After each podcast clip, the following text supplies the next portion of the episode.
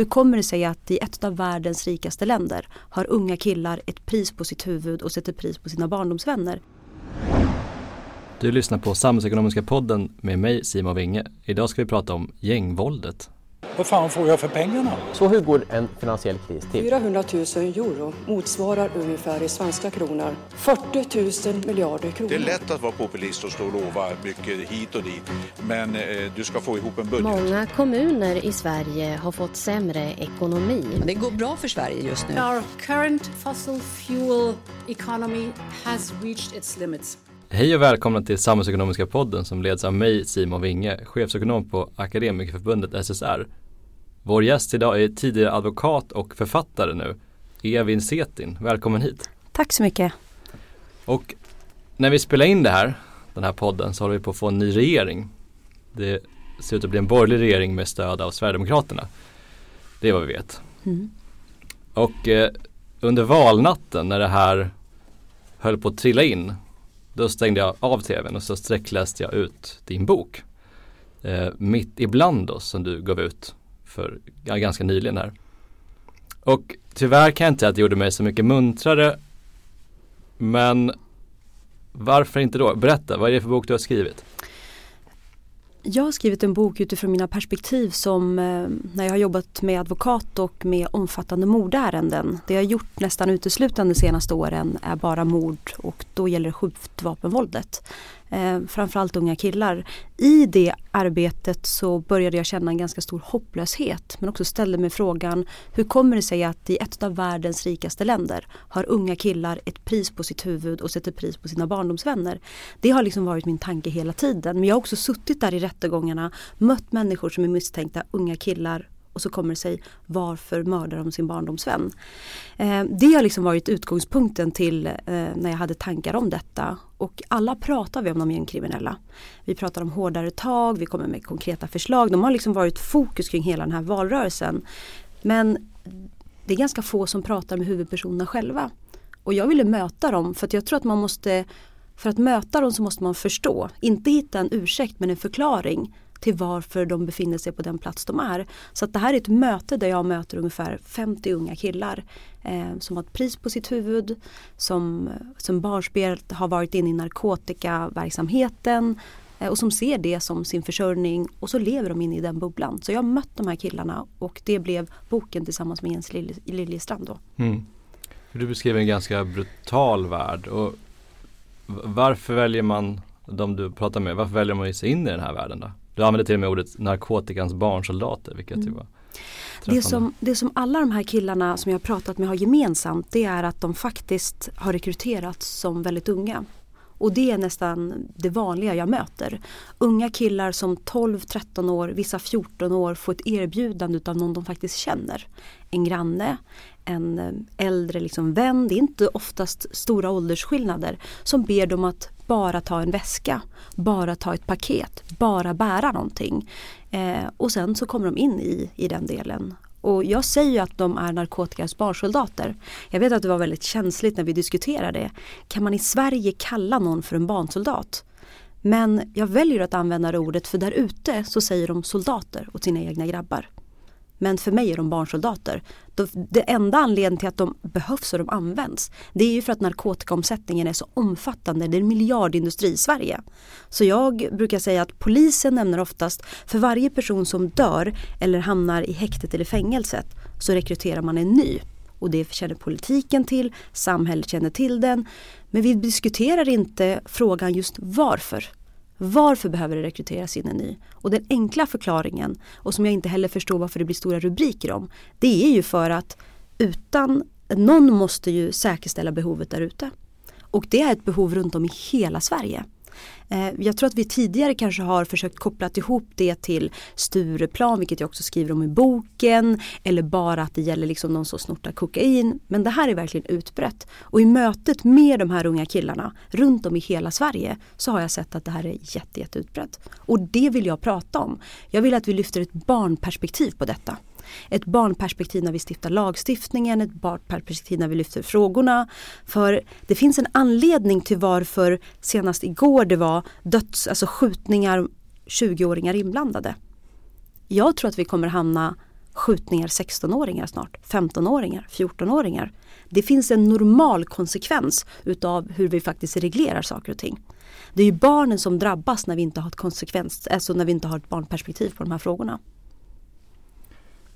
För du, någonstans är det ju, du är inne på att det är pengar som driver det här och du beskriver en ganska utstuderad affärsmodell att man tar hand om sina anställda och det vet vi bland annat från då Encrochat där det läckt mm. ut.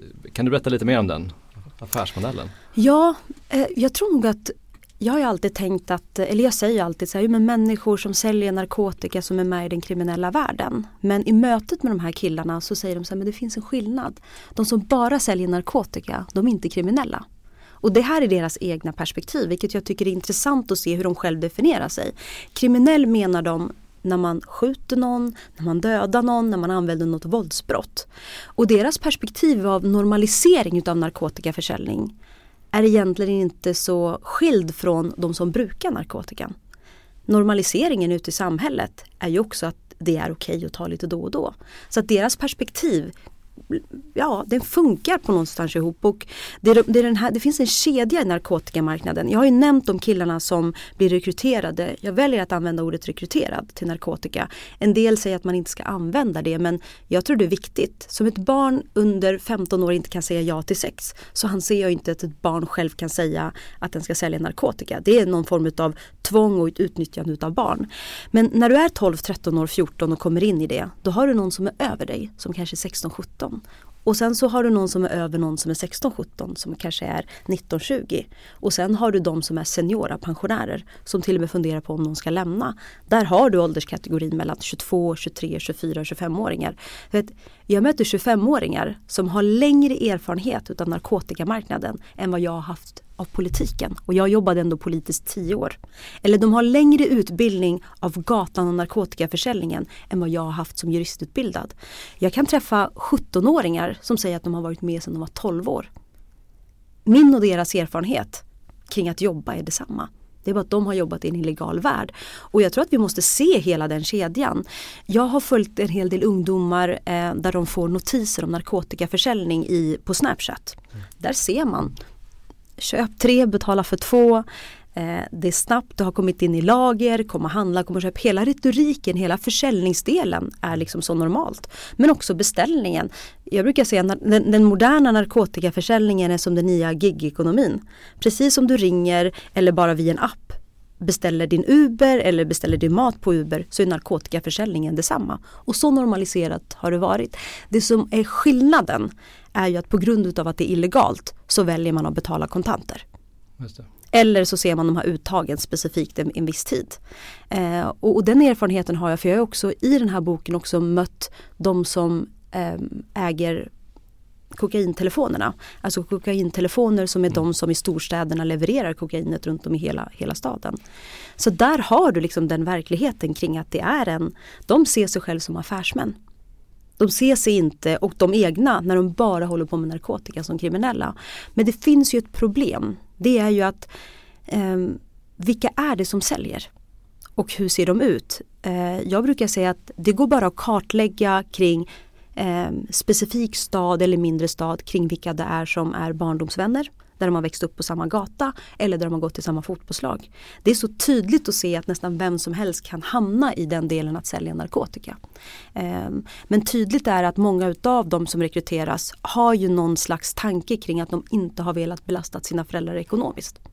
Det är så tydligt genomgående i alla intervjuer. Och jag har när jag tog distans från boken och började reflektera, för man hade så intensiva möten där, där våld liksom förekom, eh, människor med psykisk ohälsa, eh, rädsla och att ständigt känna sig jagad. Så att jag hann haft oftast inte reflektera kring helheten när jag var mitt i deras bubbla. Men när jag klev ur och började kolla på alla intervjusvar så insåg jag att alla kommer ihåg första gången. Mm. Vilket jag tycker är väldigt, väldigt, väldigt intressant. Och alla har en tydlig bild utav när det är någonting kopplat till ekonomin med en mamma, en familj eller någonting att de inte kan köpa någonting. Och det ser man också att det har oftast kopplingen till, till någon aktivitet kopplat till idrotten. Oftast fotbollen för de här killarna. Jag kan känna igen mig i den bilden. Eh, för jag, när jag var 12-13 år så fridrottade jag. Och jag som barn upplevde att mina föräldrar var fattiga. De var småföretagare men jag hade rummet precis bredvid, eh, precis bredvid eh, vardagsrummet och där eh, räknade min mamma och pappa antalet sålda korvar. Och, och så kunde jag höra, jag kommer ihåg det så tydligt fortfarande, jag kunde höra och säga så här, den här betalar vi sen, det här väntar vi med. Eller så kunde pappa säga så här, idag gick det inte så bra, jag sålde bara så här många korvar.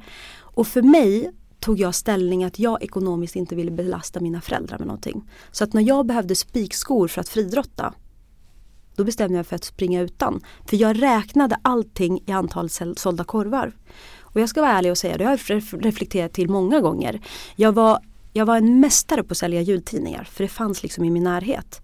Eh, jag var en mästare på att sälja Bingolotto för jag visste att säljer man Bingolotto och julkalendrar eh, kopplat till idrottsföreningen då kommer avgifterna för oss vara mindre.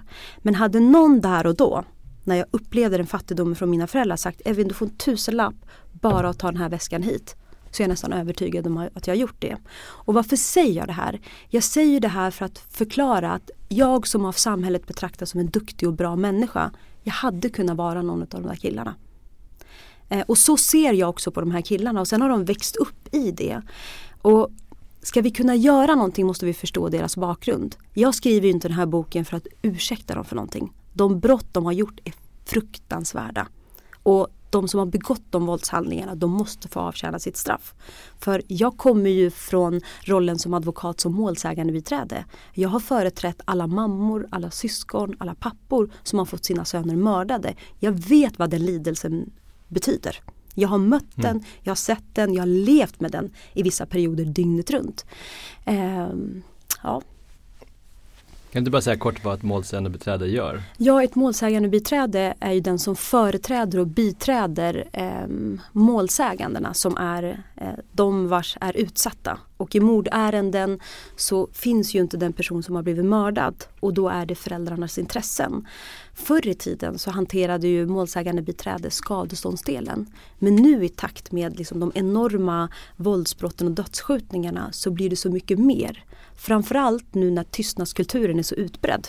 För mina klienter har oftast haft väldigt mycket information men de har varit så rädda, till och med när deras son har blivit mördad, att lämna den här informationen till polisen. Att de väljer inte berätta den. Eller säger Evin, finns det någon annan väg så vi kan ge informationen men vill absolut inte finnas med i förundersökningsprotokollet eller hamna på Flashback vad vi säger. Ehm, jag skriver i boken att en mamma säger så här att eh, när det kommer till tystnadskulturen att hon heller att hon inte pratar för hon måste tänka på sina andra barn. Eh, och det tycker jag också är en tragisk utveckling i, i, i den här rättspolitiska delen. För du beskriver just rekryteringen som börjar med väldigt så något väldigt litet och så mm. trappas det upp långsamt långsamt och plötsligt mm. så står man där. Mm. Um, går det någon gång under det här att hoppa av eller hur Finns det någon sån möjlighet eller hur gör man? Om man mm. Kan man bryta det här? Jag tror nog att det, är, det varierar. Eh, det beror ju på om man är barndomsvänner som gör detta. Men det beror ju också på hur många som är där på marknaden. Som krigar om andelarna där ute. Eh, och jag tror att när vi har sett Eskilstuna, när vi har sett Västerås, när vi har sett skjutningarna i Örebro, när vi har sett skjutningarna i Kalmar. Så handlar det ju om i grund och botten att, att detta har med narkotikakonflikt att göra. Och när det är barndomsvänner som säger har skjutit på varandra då är det ganska tydligt och det säger också polisen att det beror på att det är en konflikt när det gäller fördelningen av narkotika, fördelning av pengar, fördelning av samarbetspartner. Så där har du grunden, så kan man göra någonting av det, kan man hoppa av. Jag tror ju att de som har varit med väldigt länge måste få hjälp att komma ut därifrån. För de här barnen, och det märker jag på de äldre, de formas ju i en bubbla. Jag brukar säga för att folk ska förstå att föreställ dig när du är i SSU-bubblan eller MUF-bubblan. Alltså, du kan forma nästan vilket barn eller ungdom som helst i att tycka och tänka någonting. Jag, jag brukar nämna så här, man säger ju alltid att SSU Stockholms stad alltid är vänster. Det är liksom den klassiska delen, men hur kommer det sig? Jag menar att det finns någon typ av någonting som man ärver för att komma dit. Alltså de äldre lär de yngre och så lär de dem debattera och så fortsätter det. Och precis så är det bland de här också. Mm. De indoktrineras in i detta våldet. Jag, har, jag trodde tidigare att det var lättare att hoppa av. Men det är inte så lätt. För krim, gäng, alltså, kriminaliteten förr var att de äldre brukar säga att skillnaden med, mellan nu och, och förr det är att man har så mycket informationsövertag på en person som är med. Mm. Och det visas i ett kapitel och ett stycke som jag har i boken där det finns en tömning utav ett meddelande. Jag brukar alltså både på skämt och allvar säga att det är, en, det är nästan som, en, eh, som ett anställningsavtal. De lånar, de säger så här semesterersättning, de går in på lönegaranti, de går in på vad som händer om du åker i fängelset, att om du är lojal, alltså att du inte golar, inte pratar så får du ut en viss summa. Men de säger också vad som händer om du golar. Då kommer vi jaga dig för resten av ditt liv. Och det våldet gentemot barn och ungdomar pratar vi inte så mycket om. Jag förstår att de här barnen väljer att inte göra det, eller de här ungdomarna, för det är så pass normaliserat. Precis som de indoktrineras i att de inte ska prata med polisen eh, så indoktrineras de i att de vet att man golar inte, då kommer våldet utlösas. Så jag tror att det är mycket svårare än vad vi tror att lämna. Och jag har också träffat väldigt många mammor och pappor som när deras enda lösning när de ska få bort sina söner ur detta det är att de tar sitt pick och pack och lämnar staden eller lämnar området. Men det här är också en klassfråga. Hur många är det från de här områdena som kan göra det? Eh, jag har, det har gjort ganska ont när man har varit målsägande biträde där till exempelvis eh, en mammas son har blivit mördad precis utanför sin port. Och då tänker man så här, varför har vi inte ett system som bara gör att mamman får flytta därifrån? Men det har vi inte. Jag har sett månad, månad, vecka efter vecka, dag efter dag mamman gå ut och berätta hur det känns att gå ut från porten område som hon inte kan lämna för att de dels inte får en bostad men ekonomin inte tillåter det. Och sen ser hon platsen där hennes son har blivit mördad. Så att det är ett klassperspektiv i hur man ska kunna rädda sina söner, vilket gör väldigt, väldigt ont. Jag har ju sett en del och pratat med en del mammor som tar sina söner och skickar dem till utlandet.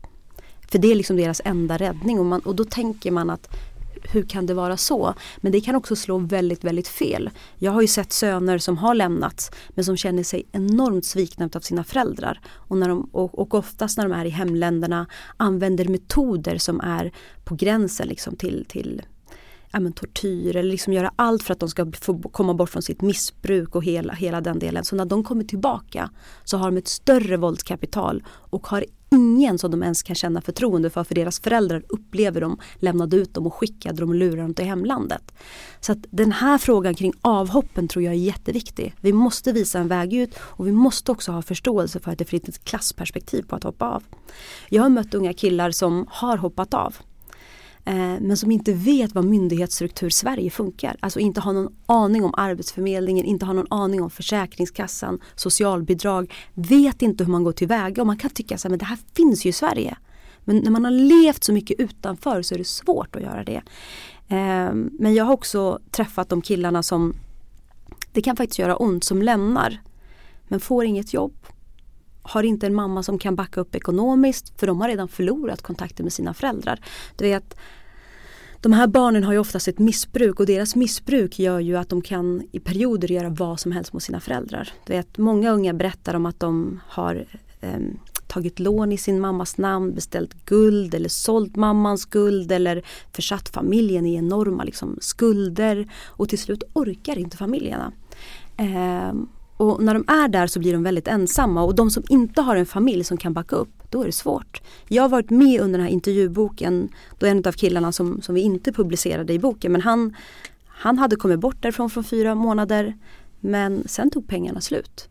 Och han hade bara tillfälligt arbete och då sa han så här, även jag har inget val. Och han gick tillbaka. Och, och många av dem jag mött säger ju att narkotikan är deras enda ekonomiska trygghet. Eh, och jag tror att vi måste ha med oss det för att det är inte så lätt att ta sig in. Jag pratade faktiskt nu innan jag kom hit med en ung kille. Ehm, han, eh, han har aldrig jobbat vitt i Sverige. Men han har jobbat med narkotikaförsäljningen som han var liten. Han är själv nu 22 år. Och vi har hjälpt honom att komma i kontakt med ett arbete. Eh, ett, ett, alltså ganska lätt liksom arbete men till och med det så vill de ha ett CV och då säger han Vad fan ska jag skriva i mitt CV? Mm. Och den här verkligheten, jag tror att man måste hantera den för att annars kommer vi inte klara av avhoppen. Vi måste ha en väg från den svarta världen som de befinner sig i in i vår vita värld. De kallar våran värld den vita världen. Och vi har inte ett sådant strukturerat system eh, idag i Sverige. Men du beskriver också att en värld där våldet har blivit grövre. Mm. Var, varför är det så? Och det ser vi också i mm. nyhetsrapporteringar. Så. Jag tror nog att eh, den kopplingen måste man analysera med eh, vilket tillstånd de här unga killarna befinner sig i. För att vi pratar om gängkriminaliteten men pratar vi om deras drogmissbruk? Jag tycker inte det. Ehm, de flesta i den här boken som jag intervjuar men också som jag mött pratar ganska tidigt om hur de börjar röka hash hur de sen övergår till liksom tramadolet som är det lilla heroinet eller som övergår till lyrika eller övergår till pix eller övergår till eh, heroin därefter eller kokain. Och att vara kriminell förr som de äldre beskriver det, de sa ju att eh, förr var man bara jagad av polisen. Men dagens ungdomar, dagens unga killar är både jagade av polisen med rätta. Men också jagade av sina egna barndomsvänner. Tidigare har de haft sitt förortsområde eller det området de har bott i som sin enda trygghet. Men när de hamnar i konflikt med barndomsvänner så har de inte ens den trygga platsen hemifrån. Så de killarna som har backat upp och sagt att vi är bröder, de finns inte heller där med dem. Och i den delen med deras missbruk som fortsätter så sker ju någonting och det har jag också mött i deras möten. Olika intervjutillfällen har de varit helt olika personer. Och jag har nästan kunnat säga det och sagt så här, typ deras namn och sagt att hur är situationen idag?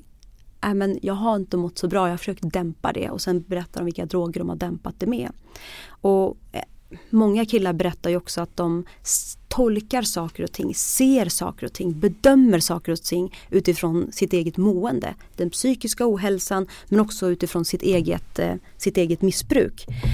Och det där missbruket måste vi prata om för det finns en anledning kring varför de är benägna att avrätta en barndomsvän och helst att de ska göra det på platsen.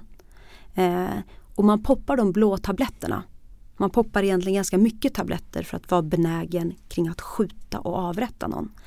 Ehm, så att ska vi kunna knäcka den här gängkriminaliteten som vi pratar så måste vi också börja prata om, om, om missbruket. Och jag tror att förklaringen till att våldet har blivit grövre är också att det är väldigt unga killar som tidigt har ett missbruk och deras missbruk utspelar sig i det våldskapital som de kan använda. Jag har lärt mig en grej att tidigare kunde vi säga att de här hiphoplåtarna eller artisterna att de ibland typ försöker ja, men de, de försöker uppmuntra liksom till våld men efter att ha mött så här många unga killar och så har jag gått tillbaka till alla låtar så inser jag att det låter hemskt att säga det men de gestaltar faktiskt den verkligheten som de här killarna lever i. Och där är det grövre våldet. Förr sköt man ju för att varna någon att nu ska du betala tillbaka. Och när vi ser en skjutning i benet eller axel så är det en varning betala tillbaka. Men när man har narkotikaaffärer och det har gått åt helvete och det handlar om marknadsandelar. Då handlar det om att den ena ska bort eller den andra. Och då är eh, att skjuta någon, liksom den delen så pass allvarlig. Men det finns ju också någonting som de här, många av de här killarna berättar och det är ett synsätt som de har på att lösa konflikter. En av killarna säger i boken, jag säger det och skriver också i boken att hellre att din mamma gråter än att min mamma gråter. Och jag har, när jag distanserar mig från intervjuerna så har jag tänkt i deras värld finns det inte perspektivet att inte någon av deras mammor ska gråta. Och med, dem, med det menar de att man, någon måste skjuta någon, frågan är bara vem. Och det tar oss också in på steget att den som själv blir mördad kan ha satt ett pris på sin barndomsväns eller sin väns huvud och vice, vice versa. Den som skjuter kan själv har haft ett pris på sitt huvud. Och då är det någonstans den som skjuter först är den som överlever och så slipper den, mamma, den, den mamman gråta. Så våldsdelen är ju en, en, en effekt utav eh, missbruket men också de enorma pengarna. Eh, jag träffar en utav killarna, han säger så här, ni förstår inte säger han. Alltså omsättningen och omfattningen är så enormt stor där ute. Det har aldrig funnits så mycket pengar i narkotikaförsäljningen som det finns nu. Vi har också en till skillnad tror jag i alla fall i de samtal jag har haft, i takt med utvecklingen med Öresundsbron så är det ju lättare liksom med, med narkotikainförseln liksom in till Sverige. Förr fanns det en boss, eller några bossar runt om i Sverige som tog in och kunde styra marknaden. De kunde styra vem som skulle få, vem som hade ett bra pris. Nu är det inte så. Nu är liksom omfattningen där ute och insmugglingen så pass stor att en 17-18-åring kan själv komma i kontakt med direkt en person som säljer ett större parti och få sitt eget parti. Och då ansvarar den för sitt eget lilla gäng. Och sen rekryterar han de här barnsoldaterna och sen står han där 17, 18, 19, 20 med 10 stycken springisar runt omkring sig. Och detsamma gäller ju när det, när det gäller våldet, det är ju den enorma tillgången också till vapen. Den det finns ju liksom enormt mycket vapen där ute. Um, en av de här killarna, eller jag, jag, frågade dem för att jag åker runt nästan uteslutande i, med, i, i bilen med de här killarna. Och eh, jag säger så här frågan så här typ kan vi inte sätta oss någonstans? För att jag får inte spela in i vissa, jag kan inte anteckna. Och från början tänkte jag så här, men ska jag låta en gängkriminell köra min bil? Alltså hur kommer samhället se på mig? Men sen insåg jag att jag, jag gör det liksom ändå. Men och framförallt insåg jag om någonting skulle hända så är det bättre att de kör än jag kör för jag kommer inte klara det om någonting händer. Men han sa i alla fall till mig så här att om vi ska sätta oss någonstans så finns det en beräkningsmodell tycker jag som han beskriver. Han säger att jag måste alltid räkna med att beroende på vart det är, är det någonstans i centrum som jag är så måste jag tänka så här okej okay, jag sätter mig där. Om någon upptäcker att jag är där och jag har ett pris på mitt huvud då måste jag räkna ut tiden för att de ska hämta ett vapen för vapen bär man inte med sig på grund av den lagstiftning som finns och så ska de komma tillbaka. Så att han säger så här att 25-30 minuter mer än så befinner jag mig inte på en plats. För då räknar jag med att alltid någon har sett mig och de ska utföra ett mord. Så att du vet det här har gått så långt att de har ett perspektiv på hur länge de kan befinna sig på en plats. Eh, men, men det finns också en ytterligare del. De här killarna lever i ett tillstånd där de inte har en fast punkt. Och jag tror att den fasta punkten i att inte kunna ha ett hem, inte kunna ha en egen säng, inte ha några rutiner gör ju att de tappar verklighetsförankringen. Eh, många utav dem kan inte bo hemma. De kan inte bo på den folkbokföringsadress som de har. Eller alla jag har pratat med, ingen av dem bor på sin folkbokföringsadress. Inte hos sin mamma, inte som de är uppskriven. Och det är ju för att det är för farligt. Det, finns, det, det är för farligt och det finns goare, alltså de som lurar ut den för att ge information också. Men så att sammanfattningsvis, de har ett missbruk. Eh, man är benägen att skjuta och döda för att få marknadsandelar för att annars kommer man själv bli utsatt för. Men det är också deras psykiska tillstånd och deras välmående eh, där ute som är fruktansvärd. Men också att förr var det bara polisen, nu är de också jagade utav sina egna. Och att de faktiskt, ingen har en vän som de kan lita på. Men varför berättar de här allt det här för dig? Alltså jag tror nog att man ska se hur den här boken utvecklar sig. Det fanns stunder där jag sa till mitt bokförlag Mondial, det kommer inte bli en bok. Det fanns stunder där jag och Jens tyckte att det här är liksom hopplöst. För tänkte att skriva en bok och för mig var det väldigt tydligt att de också skulle se hur jag har tolkat och analyserat så att de ska kunna ge mig mer information. Det har funnits stunder där telefonnumret jag har funkar inte. Eh, Snapchaten som jag har funkar inte. Den, den Instagram-kontot som jag har fått som ett fejkkonto funkar inte. Eh, de vänner som de har haft, som jag har haft kontakt med har jag insett på grund av en konflikt kan jag inte nå dem. Så att det har inte varit helt lätt. Många har ju trott inledningsvis att jag har varit polisinformatör. Att jag har varit en del av att infiltrera. Så jag har ju fått bygga det här förtroendet.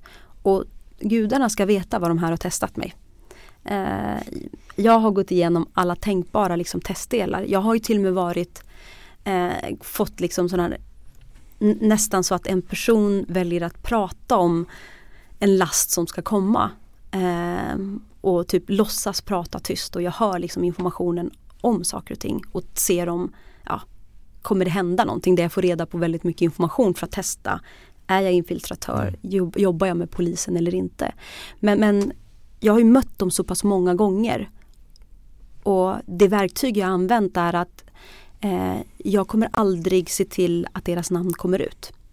Och det har ju varit liksom den garanten och jag tror att efter ett tag så har man förstått att jag har ingen ond avsikt. Men det har tagit jätte, jätte, jättemycket tid. Jag har ju pratat så mycket med de här killarna att efter ett tag så fick de ju förtroende för mig. Och så var jag också lätt att kontrollera liksom vad jag gör och vad jag inte gör. Um, så att jag har ju också blivit verifierad. Um, jag, jag brukar säga så här, gängkriminaliteten är inte så långt bort. Och varför jag säger det, det är ju att du vet, de här killarna har vanliga systrar som jobbar. de har vanliga mammor som jobbar, de har också vanliga eh, föräldrar. Och det tror jag ibland att vi liksom inte ser eh, på det sättet. Men det finns ju också runt de här eh, människor som lever och har ett vanligt liv i våran vardag. Och eh, ibland så har människor runt omkring dem kunnat verifiera och gå i god för mig för att de ska prata med mig. Hur länge har du hållit på med det här? Eller skrivit då? Eh, jag fick mitt första erbjudande om ett bokkontrakt för två år sedan av Mondial. Mm. Men jag började men jag var nog inte riktigt redo för detta för jag var mitt i detta. Men där någonstans så började ju liksom mina samtal. Eh, och så har vi skrivit då intensivt från och med egentligen december månad. Mm. Men det är ju ganska det är tungt kriminella individer där. Har du aldrig varit orolig för din egen skull eller rädd? Eh, om jag har varit rädd? Jag tror nog att eh, om man läser boken så finns det olika inslag där jag kan känna rädsla. Jag tror nog mitt sätt att tänka som dem, eh, att jag har fått det. Men jag har, om jag ska vara ärlig, sagt att i mötet med dem har jag faktiskt inte varit rädd. Eh, och det kanske känns konstigt att säga det men det har jag inte varit. Men jag har varit rädd för omständigheterna runt omkring. Um, du vet, man får ju lära sig vad en drive-by betyder. Så att typ när en bil beter sig på ett visst sätt eller kör på ett visst snabbt sätt. Um, när den väl ska skjuta. Jag har hört så många berätta det. Och du vet, man tar ju in mm. det så vid ett av tillfällena när vi sitter där i bilen då är det en bil som beter sig precis på det sättet. Och paniken uppstår ju hos mig att herregud, och då skrattar ju en av de här killarna och säger, han säger chilla säger han. Eh, varför är du rädd säger han och skrattar och sen så säger han, då har jag ändå levt ditt liv. Och då tror jag att man ska säga att, men han säger hela tiden, men du är 38 år, du har levt klart ditt liv. Och det är så här, man kan skratta åt det men det är också tragiskt för eh, hans perspektiv är att jag kan faktiskt dö för jag har redan varit med om livet. För deras perspektiv är att de själva inte kommer att överleva sin egen 25-årsdag. Eh, så att visst har jag varit rädd. Det har funnits stunder som jag har varit i omständigheterna. Eh, det har jag varit. Deras lära att slå övergå. Jag märker ju hur jag tittar efter saker och ting. Jag, när jag kör bil kör jag bil på ett helt annat sätt. Förr tror jag att jag inte hade det här liksom breda perspektivet. Men nu har jag ju det och det, det är konstigt men åker man bil för många gånger med de här killarna så får man det perspektivet till slut. Så att jag har väl sett deras bild utav det eller deras nojighet, hur de tittar över axeln. Hur de kontrollerar samtal, hur de, ja, de alltså du vet deras perspektiv på att både eh, säkert gardera sig mot att liksom inte bli identifierad av polisen men framförallt, det är inte så här, egentligen är de inte rädda för polisen. De är rädda för sina barndomsvänner. När vi vänder tillbaks blicken till den här valnatten då, den mm. mörka valvakan så har vi som förbund reagerat på hur debatten handlat nästan bara om hårdare tag och längre straff. Och vi menar att det inte riktigt, det kommer inte åt grundproblemet. Vad tänker du kring den valdebatt som har varit? Nej men alltså valdebatten har handlat om att vi på olika sätt ska knäcka gängkriminaliteten. Och jag ställer mig nästan genomgående kring den här boken, alltså en konkret fråga som man faktiskt måste besvara. Kan man knäcka gängkriminaliteten utan att knäcka narkotikaomsättningen? Och det är en fråga som, som jag inte förknippar med att, att handla liksom uteslutande om legalisering eller ta upp den frågan. Men att man måste ha med sig den analysen när man diskuterar konkreta förslag. Alltså i ärlighetens namn om en person är beredd att skjuta, alltså 20, 21-åringar, 22-åringar, de är beredda att skjuta även idag. Så att ett hårdare straff på ett år, två år, tre år, det har jag också pratat med de här killarna. Det har liksom ingen betydelse för dem på det sättet. Eh, det är ju inte antalet straff liksom. De, de har ju redan, de, som den här killen som jag beskriver i bilen, hans tanke och hans världsbild är att han inte kommer överleva sin 25-årsdag. Där är liksom hans stora problem. Du vet, jag har ju träffat en hel del killar som också har sagt att för dem har det varit ibland en lättnad att också hamna på en anstalt eller hamna, hamna i fängelse. Det har också varit en tid för dem där de kan också varva, alltså varva ner när situationen har varit så uppdämpad och konflikterna har varit så enorma. Det måste man också liksom ta med sig. Men hårdare straff är absolut inte en lösning. För vet du varför? För varje ung kille som dödas då blir vi som, som en del skriver i sociala medier, då blir vi av med dem. Men för varje ung kille som mördas eller hamnar i fängelse eller häktet så kommer det en ny. Och då knäcker du inte någonting. Och det tror jag att vi måste prata om. Jag tycker ju också att fokus är, alla fokuserar på att de ska in i fängelset. Men ingen fokuserar på vad är det som händer där. Eh, alla fokuserar på att man ska tvångsomhänderta, att man ska göra ADHD-tester men ingen pratar om vad är det vi omhändertar de här pojkarna till. Jag har mött många mammor som säger så här att anledningen till att jag motsätter mig LVU det är inte att jag inte vill att man ska ha en vårdplan för min son. Utan det handlar om att det kommer bli värre för honom. Jag har hört andra mammor som säger att när de hamnar där i de där hemmen så blir situationen ännu värre för dem. Och det måste man också ha med sig i analysen. Eller för den delen när vi säger alla säger att de ska in i fängelset men ingen pratar om vad som ska hända med de här killarna efter fängelsetiden. Vi har 2000 utdömda fängelseår enligt, enligt Encrochat, alltså efter Encrochat-domarna. Och många av de här rör liksom narkotikabrott. Låt säga att det är 3-4 år, de sitter av en viss tid. De kommer komma ut i alla fall vissa innan sin 25-årsdag, vissa innan de är 26-27 år. De har fortfarande så mycket kvar i, i denna värld att göra. Vi har inte inlåsning på livstid och då måste vi prata om bortom fängelsestraffet. Eh, men jag tror också som utvecklingen ser ut, vi har idag inte plats på våra anstalter. Vi har inte utredare tillräckligt omfattning bland polisen. Vi har ju inte, ja, men vi har ju inte den här infrastrukturen och då tror jag att vi måste fundera kring hur hittar vi andra lösningar? Och jag var ute och diskuterade att eh, de här barnen som har rekryterats sedan de var små och som växt upp i narkotika, eh, narkotikavärlden de kanske borde få en, en statlig möjlighet att kunna lämna för vi pratar om avhopparverksamhet men på riktigt har vi räknat de minimala beloppen som finns där ute för avhopparverksamhet. Alltså, där finns ju inte heller något, något, något riktigt tänk kring det men, men vi behöver hitta ett sätt eh, där vi säger till de här killarna att just nu är Sverige inne på en ny linje för att kunna se till att få bort de här killarna från det. Jag skulle kunna se en del med att där man ger en amnesti till de som bara har hållit på med narkotikaförsäljning så man inte missuppfattar mig. Alltså de som sedan barn har rekryterats, växt upp i det, de får en amnesti. Men amnestin är kopplad i att kravet på att de ska gå en vårdbehandling som handlar om att de ska bli av med sitt missbruk. Då gör vi mycket nytta. Men också att de ska säkerställa att de blir klar med sina gymnasieutbildning eller får någon annan form utav, utav kompetens för att de ska kunna komma in i den vita världen. Eh, och, och, jag säger ju det för att dagens system är en tillfällig inlåsning i fängelset och när du kommer dit så är det bara att Jag har pratat med många killar där de säger så här att grabbarna har varit och hämtat mig. Och de hämtar dem och de kommer tillbaka till samma område, samma gata, samma port eller samma centrum som de säljer ifrån. Och vad har vi lyckats med då? Vi har bara lyckats med en tillfällig inlåsning och väldigt mycket slöseri med skattebetalarnas pengar. Eh, och där tycker jag politiken måste få, få jag tycker ju att vi behöver vara hårdare mot politiken i att de inte ska komma undan med de här svepskäl till förslag som man gör och det tycker jag inte har varit i, i den här debatten. Men vi måste hitta alternativa vägar. Och det här tycker jag är, är ett förslag. Jag tror att när situationen är som hetast där ute så finns det väldigt många som vill hoppa av. Men det är inte lätt med dagens avhopparverksamhet. För du har ju till och med sagt att politikerna lever i en bubbla. Mm. Och jag tänker din bubbla, du har ju en bakgrund i politiken också. Mm. Hur ska man bryta den här bubblan? Um, jag tror nog att man måste fundera på att eh, lösningarna på de här frågorna inte kan vara kortsiktiga för att få de tillfälliga liksom, eh, rösterna som man har jagat.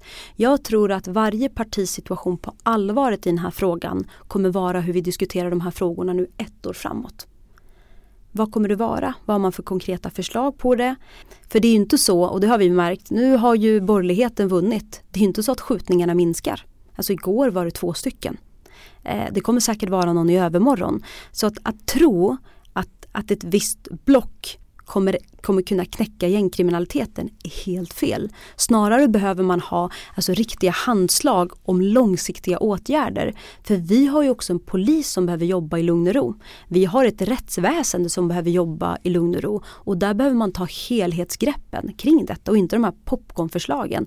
I mean, alla vet ju att jag liksom, eh, har varit aktiv i det socialdemokratiska partiet ett förslag som, som jag tror det var Mikael Damberg som presenterade på Dagens Nyheter det är så här man ska vräka eh, de här kriminella från, eh, från de adresser som de är folkbokförda. Och det är ett tecken på att det här har ju snickrats ihop. Jag vet ju ibland hur de här popcornförslagen kommer till men den är så verklighetsfrånvänd där han har glömt bort eller borde känna till om man förstår polisens arbete att de här killarna inte bor ens på sin folkbokföringsadress. Så vad är det du ska göra? Vem är det du ska vräka? Och jag tror nog att man måste säga ifrån och att vi behöver ha en bättre, på, bättre pålästa om den verkligheten som de här killarna lever i för att också kunna ifrågasätta politikens förslag. Men, men just nu så hårdare straff, det, det kommer inte hjälpa. De här killarna har ingen framtidstro. De tror inte de kan komma in i den vita världen. De anser sig inte vara delaktiga i den vita världen. Alltså en skrämmande grej när jag pratar med en av de killarna, han, det här är hans verklighet men för honom fanns det en förklaring kring varför man bygger eh, vissa shoppingcenter ute i förorten. Alltså det här är hans verklighetsuppfattning. Han, han, han säger att anledningen till att man bygger de här shoppingcenter det är för att vi aldrig ska ta oss in i deras område. Och, och jag tror att man måste förstå deras, de, deras värld och deras bild av samhället. En av killarna sa någonting som jag verkligen tyckte var jätteintressant. Han sa så här att han bara i den här världen, i det här samhället i Sverige så går det inte ens få en bostad om du inte har några rika föräldrar. Och sen förbjuder de svarta kontrakt. Han bara, nu får de bestämma sig hur de vill ha det.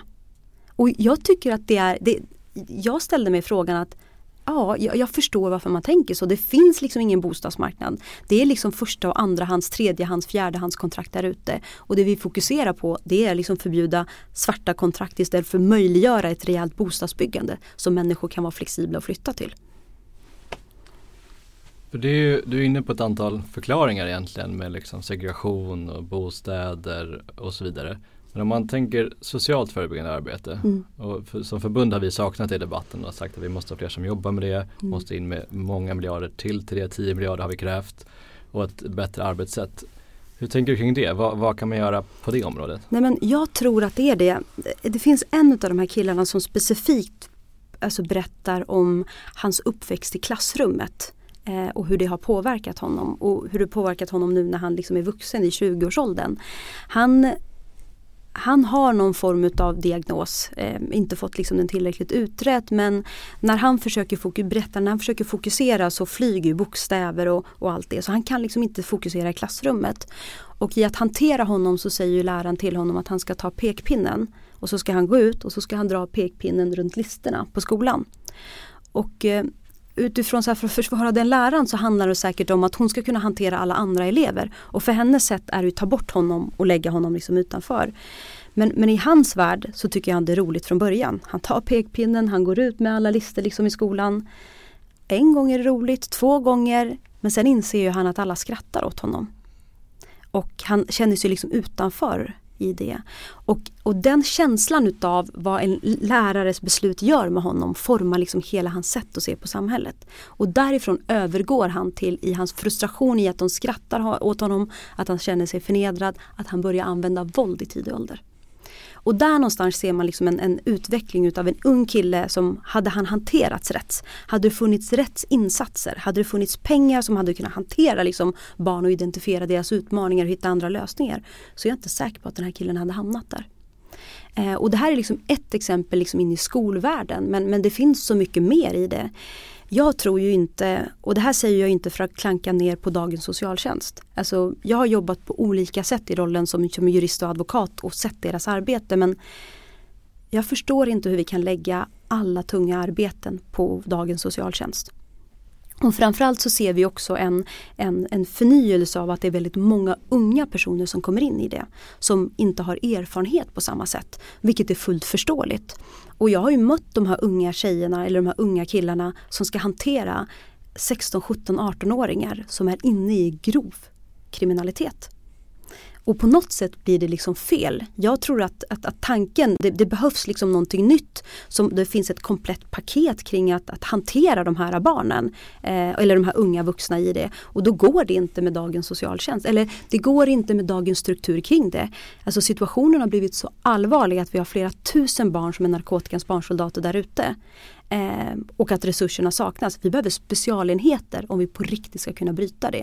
Det här är inte det gamla vanliga det här är någonting nytt som är väldigt, väldigt allvarligt. Så att jag, håller, jag har ju sett era förslag, jag håller med om att det behövs verkligen mer personal men man måste också se på helheten. Jag säger så här, vem i dagens samhälle vill anställa en kriminell? Ingen. Och om inte någon vill anställa de här kriminella, hur ska de då komma in i den vita världen? Vi måste också börja prata i dessa termer och vi måste också börja öka insatserna och pengarna och resurserna till det. För så länge de inte kommer in i vår vita värld, då är de där utanför och då är deras enda ekonomiska trygghet narkotikan. Eh, och jag kommer ihåg under pandemin när jag mötte en kille, en ganska ung kille som faktiskt hade kommit bort från eh, att, eh, att sälja narkotika. Och han hade faktiskt börjat plugga. Men när det blev som tuffast och hans pappa blev av med jobbet, hans mamma också, eh, eller hans pappa blev inte av med jobbet, han var småföretagare, det liksom gick inte runt, hans mamma hade inte ett heltidsarbete. Och han sa så här, Evin jag vill inte det här. Men för mig blir narkotikan och pengarna där, det är en garanti. Och han gick tillbaka. Och jag tror nog i, i takt med, med den här utvecklingen där vi ser, vi pratar ju om höga räntorna, matpriserna, elpriserna. Det är de här killarna där ute som kommer bli fler. De kommer vara som mig när, de, när, när jag tog beslutet att inte belasta min, mina föräldrar mer ekonomiskt. Skillnaden är att narkotikaomsättningen är så, mycket, är så, så omfattande där ute. Paketen och erbjudanden kommer vara betydligt fler mot dem. Och det här måste vi ha i perspektivet när vi säger att vi ska bryta detta. Vi ska skydda de här barnen. Men, men jag tycker också att vi bör vi bör också hantera en ny lagstiftning eh, där lagstiftningen ser de här barnen som brottsoffer. Eh, och framförallt där det handlar om att de som rekryterar dessa barn, att det finns en tydlighet i att de faktiskt kan straffas. Och är det något straff som jag definitivt tycker ska höjas så ska det vara ett, ett, ett ganska omfattande långt straff för rekrytering utav barn till denna verksamheten. Eh, och varför jag säger att det är ett viktigt förslag det är för att de här barnen inte ska hamna mellan stolarna. Just nu gör de det för det är inte polisens arbete eftersom de är över 15 år. Och socialtjänsten kräver väldigt mycket innan de ska agera i det. Och där hamnar de att det hinner gå så långt tills man verkligen agerar. Och det ser man också i omfattande rapporter när man hanterar de här unga killarna. Man kan nästan se när samhället missade de här grabbarna. Men om man ska ge sig på narkotikan då, för det är ändå mm. den som är motorn i det här. Mm. Verkar som. Hur, hur, ska man ha hårdare straff där då? Visitationszonen på Stureplan? Eller Nej men jag, jag nämnde, jag var faktiskt på bokmässan och så sa jag så här att det är så konstigt att alla pratar om att vi ska knäcka någonting som de inte vet vad de ska knäcka. Men de måste ju strypa ekonomin där narkotikaomsättningen är väldigt mycket. Och, men jag tror faktiskt inte att man vågar ge sig på den delen. För alltså människor som brukar narkotikan finns, jobbar och verkar i vårt samhälle. Och vi måste nog också uppdatera bilden utav den personen som köper droger. Det är en vanlig person där ute som faktiskt gör det. Och det är bara, det är bara liksom vara tydlig med det. Men det finns någonting som köparen kan riskera som säljaren aldrig riskerar. Alltså säljaren har ingen framtidstro eller framtidshopp. Den har ingenting att förlora. Köparen har så mycket att förlora. Eh, jag tycker att så här, ska man ha de förslagen med visitationszoner ute i förorterna så ska man ha dem även ute i krogvärlden. Man kan göra precis som man gör slump slumpmässiga kontroller ute i förorten för att byta gängkriminaliteten så säger man så här för varje hårdare satsning där ute så ska en hårdare satsning ske mot köparen. Jag tror att skulle man komma med de slumpvalda, alltså drogtesterna då tror jag att vi skulle få se en drastisk minskning utav narkotikamissbruket. För ingen som jobbar, har ett vitt jobb och finns där i samhället vill ha i sitt register att, att de har åkt dit för narkotikabrott. Och vad händer då? Då tror jag att vi ser en samhällsförändring eh, runt om i, i vårt samhälle. För man måste ställa sig frågan och jag vill inte vara en moraltant och jag försöker att heller inte att moralisera den frågan men man, varje person måste ställa sig frågan hur många be barn behövs för att narkotikaomsättningen i Sverige ska rulla? Vi kan inte bortse från barnen i detta. För andra röster menar tvärtom att om man legaliserar narkotikabruket eh, och kanske då tar distributionen ifrån de här gängen så skulle det slå undan eh, benen på dem. Hur tänker du kring det? Och jag brukar säga så här, vilken del är det de vill att de ska legalisera? Ska de legalisera haschet? Ska de legalisera kokainet? Ska de legalisera heroinet? By the way, heroinet som poliserna i norra delen av Sverige säger att det är vanligt bland svenska ungdomar ute i villaområdena för att det är billigare än kokainet. Vad är det de ska legalisera? Eh, och framförallt en annan fråga som man kommer till. När det legaliserar, är det de här unga killarna från förorterna som kommer jobba i de här butikerna där det säljs? Man måste, det finns en bredare perspektiv än att bara liksom tänka på själva legaliseringen. Jag tror inte att legaliseringen är lösningen eh, på detta. Men jag är inte tillräckligt kunnig i de områdena. Det är därför jag är försiktig med att uttala mig. Men man måste kunna svara på de frågorna. Ska man legalisera kokainet? Ska man legalisera heroinet? Eller ska man legalisera liksom alla typer av tablettformer också? Och vad gör det med dagens samhälle om vi skulle legalisera det? Du menar att så länge man har något som är förbjudet så kommer det fortfarande finnas en kriminell marknad som också kan distribuera de här kanske lagrade Absolut, drogerna. absolut. Alltså jag tror nog att man ska kolla jämförande länder i Holland, hur utvecklingen ser ut där. Och jag tror också att man måste fundera kring så här, äh, legaliseringen utav att sälja det, absolut, men hur gör man i resten utav kedjan? För hur köper man in kokainet? Hur köper man in heroinet? Hur, funkar hur fungerar hela distributionskedjan där?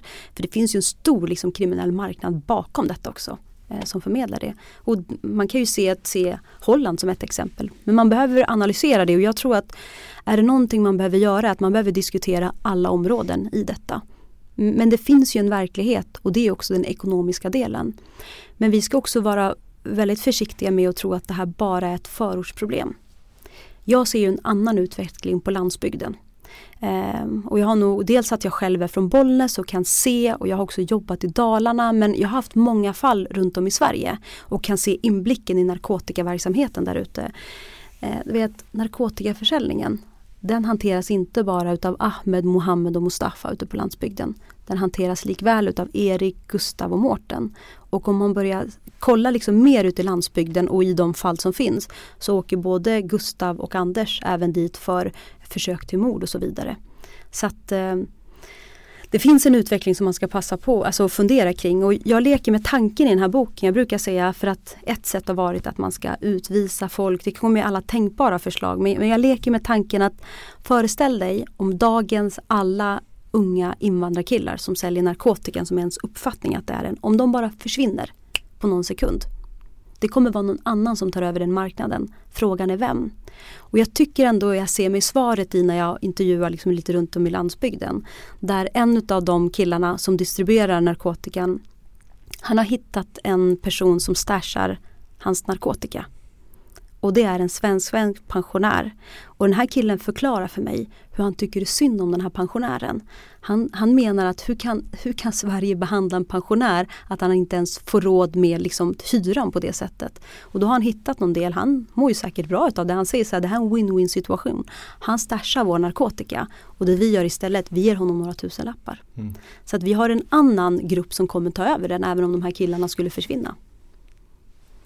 Men om du, vad, vad, hoppas du på framåt då? Ser du liksom ljust på framtiden? Lokalt kanske eller någonting som kan vända det här? Jag tror nog att vi har fått en, en samhällsdebatt eh, där jag tror att många, eh, eller så här, tyvärr, utvecklingen har varit så mörkt att man nog inser att hårdare straff inte är det som kommer att hjälpa. Det tycker jag också man ser i oppositionens diskussioner om skjutningarna. Jag tror att vi kommer behöva ta en helhetsdel i det. Ljusningen är att visst, vi kan ha fler skjutningar men oroligheterna bland samhället kommer inte försvinna och förr eller senare kommer vi behöva ta upp frågan och den politiska frågan. Vad gör vi ett med alla killar som hamnar i fängelset? Och hur hittar vi en samhällsmodell för att de ska komma ut? Men också att man förstår att de här killarna som säljer och som sen hamnar i narkotikadelen. Det är inte bara deras händer som är blodiga. För man kommer behöva börja utreda vems krona är det som finansierar mordet? Vi vet inte riktigt men det är någons krona och då kommer man behöva rikta blicken åt andra sidan och det tror jag är en tidsfråga liksom innan, innan vi hamnar där. Och du själv? Blir det fler böcker eller juridiken eller politiken kanske igen? Jag har nog sagt att eh, jag tror nog jag, jag lockas inte av politiken överhuvudtaget. Politikens form och karaktär i att den liksom inte reformerar sig i sättet att arbeta och tänka och begränsa sig. Men också den kortsiktiga delen. Jag träffade Ingvar Carlsson häromdagen för att lämna över boken och så sa han så här på min tid var det bättre. Då fick man till och med fundera och analysera. Han sa så här att numera ska man kommentera ett förslag där man inte ens har sett det. Och jag tror inte den delen av politiken eller den, de lagförslag som bara pumpas ut. Jag vill liksom inte vara en del utav det. Eh, jag tror att vi håller på bara lappar och lagar där vi inte gör en omfattande samhällsanalys och samhällsförändring. Så politiken har varit jättetydlig med, den, den vill jag liksom inte tillbaka till. Jag tror nog att vi behöver, ja, vad jag ska göra, det kanske, det kanske blir någon, någon mer bok. För jag tror att vi måste prata om narkotikans barnsoldater. Eh, och hur kommer det sig att vi inte gör någonting? Och anledningen till min frustration där är, jag har ju ägnat timmar åt att se ut som en liten förortstjej tänkte jag säga. Eh, ute i de här centrumen och suttit på kaféer eller suttit och, och kunna när man sitter där i sträck 4-5 timmar faktiskt analysera vilka barn det är som säljer, hur de rör sig, när de får över paketet. Det är synligt. Och jag kan få en frustration i hur kommer det sig att man inte gör någonting? Om jag kan se det, om ordningsvakten i de här små centrum runt om i, i i Sverige kan se det. Hur kan inte de som ska göra någonting åt detta se det? Eller är problemet för stort att vi inte kan hantera det? Så det skulle jag eh, vilja fördjupa mig i för att jag tror nog, jag har nog haft ett, ett barnperspektiv i allt det jag har gjort. Och jag tror nog det kommer ifrån min egen uppväxt. Jag var ändå, jag var ett, ett barn som kom till Sverige. Jag hade föräldrar som är analfabeter. Vi har ju växt upp i ett hem där vi inte har böcker. Jag har liksom växt upp att mina föräldrar gått från att vara de som odlar, alltså jobbar på jordbruket med att hantera bomull till att bli pizzabagare, restaurangägare här i Sverige. Och jag ser vad utbildning kan göra för en generation. Jag har själv växt upp i den miljön där jag gått ifrån att vara tillhöra en familj som inte har en enda som går på universitet eller vara an, ah, föräldrar som är analfabeter till att gå och se mina syskonbarn som har akademiker runt omkring sig. Och att se liksom den förändringen. Jag, jag växte upp i Bollnäs och kanske hade bättre förutsättningar, jag vet inte. Men, men jag tror nog att man bör se den resan som människor behöver göra. Mina föräldrar har en enorm tacksamhet till Sverige. För de såg ju hur Sverige var möjligheternas land och jag känner också den. Men jag har också mött så många där ute som inte känner tacksamheten till det land som de bor i för att de känner sig exkluderade. Och det är väl någonting som jag vill jobba mer med. Och jag tror inte politiken är den vägen idag. Tack för att du kom hit idag. Tack så mycket. Och Tack din själv. bok, den hittar man lite i alla bokaffärer va? Mm, Den finns distribuerad Ja. runt om i hela Sverige. Eh, första upplagan är slut så vi är inne på att få den andra. Eh, och nu så i början utav oktober så kommer den också ut i ljudbok. Och då finns den där. Som du har pratat in själv?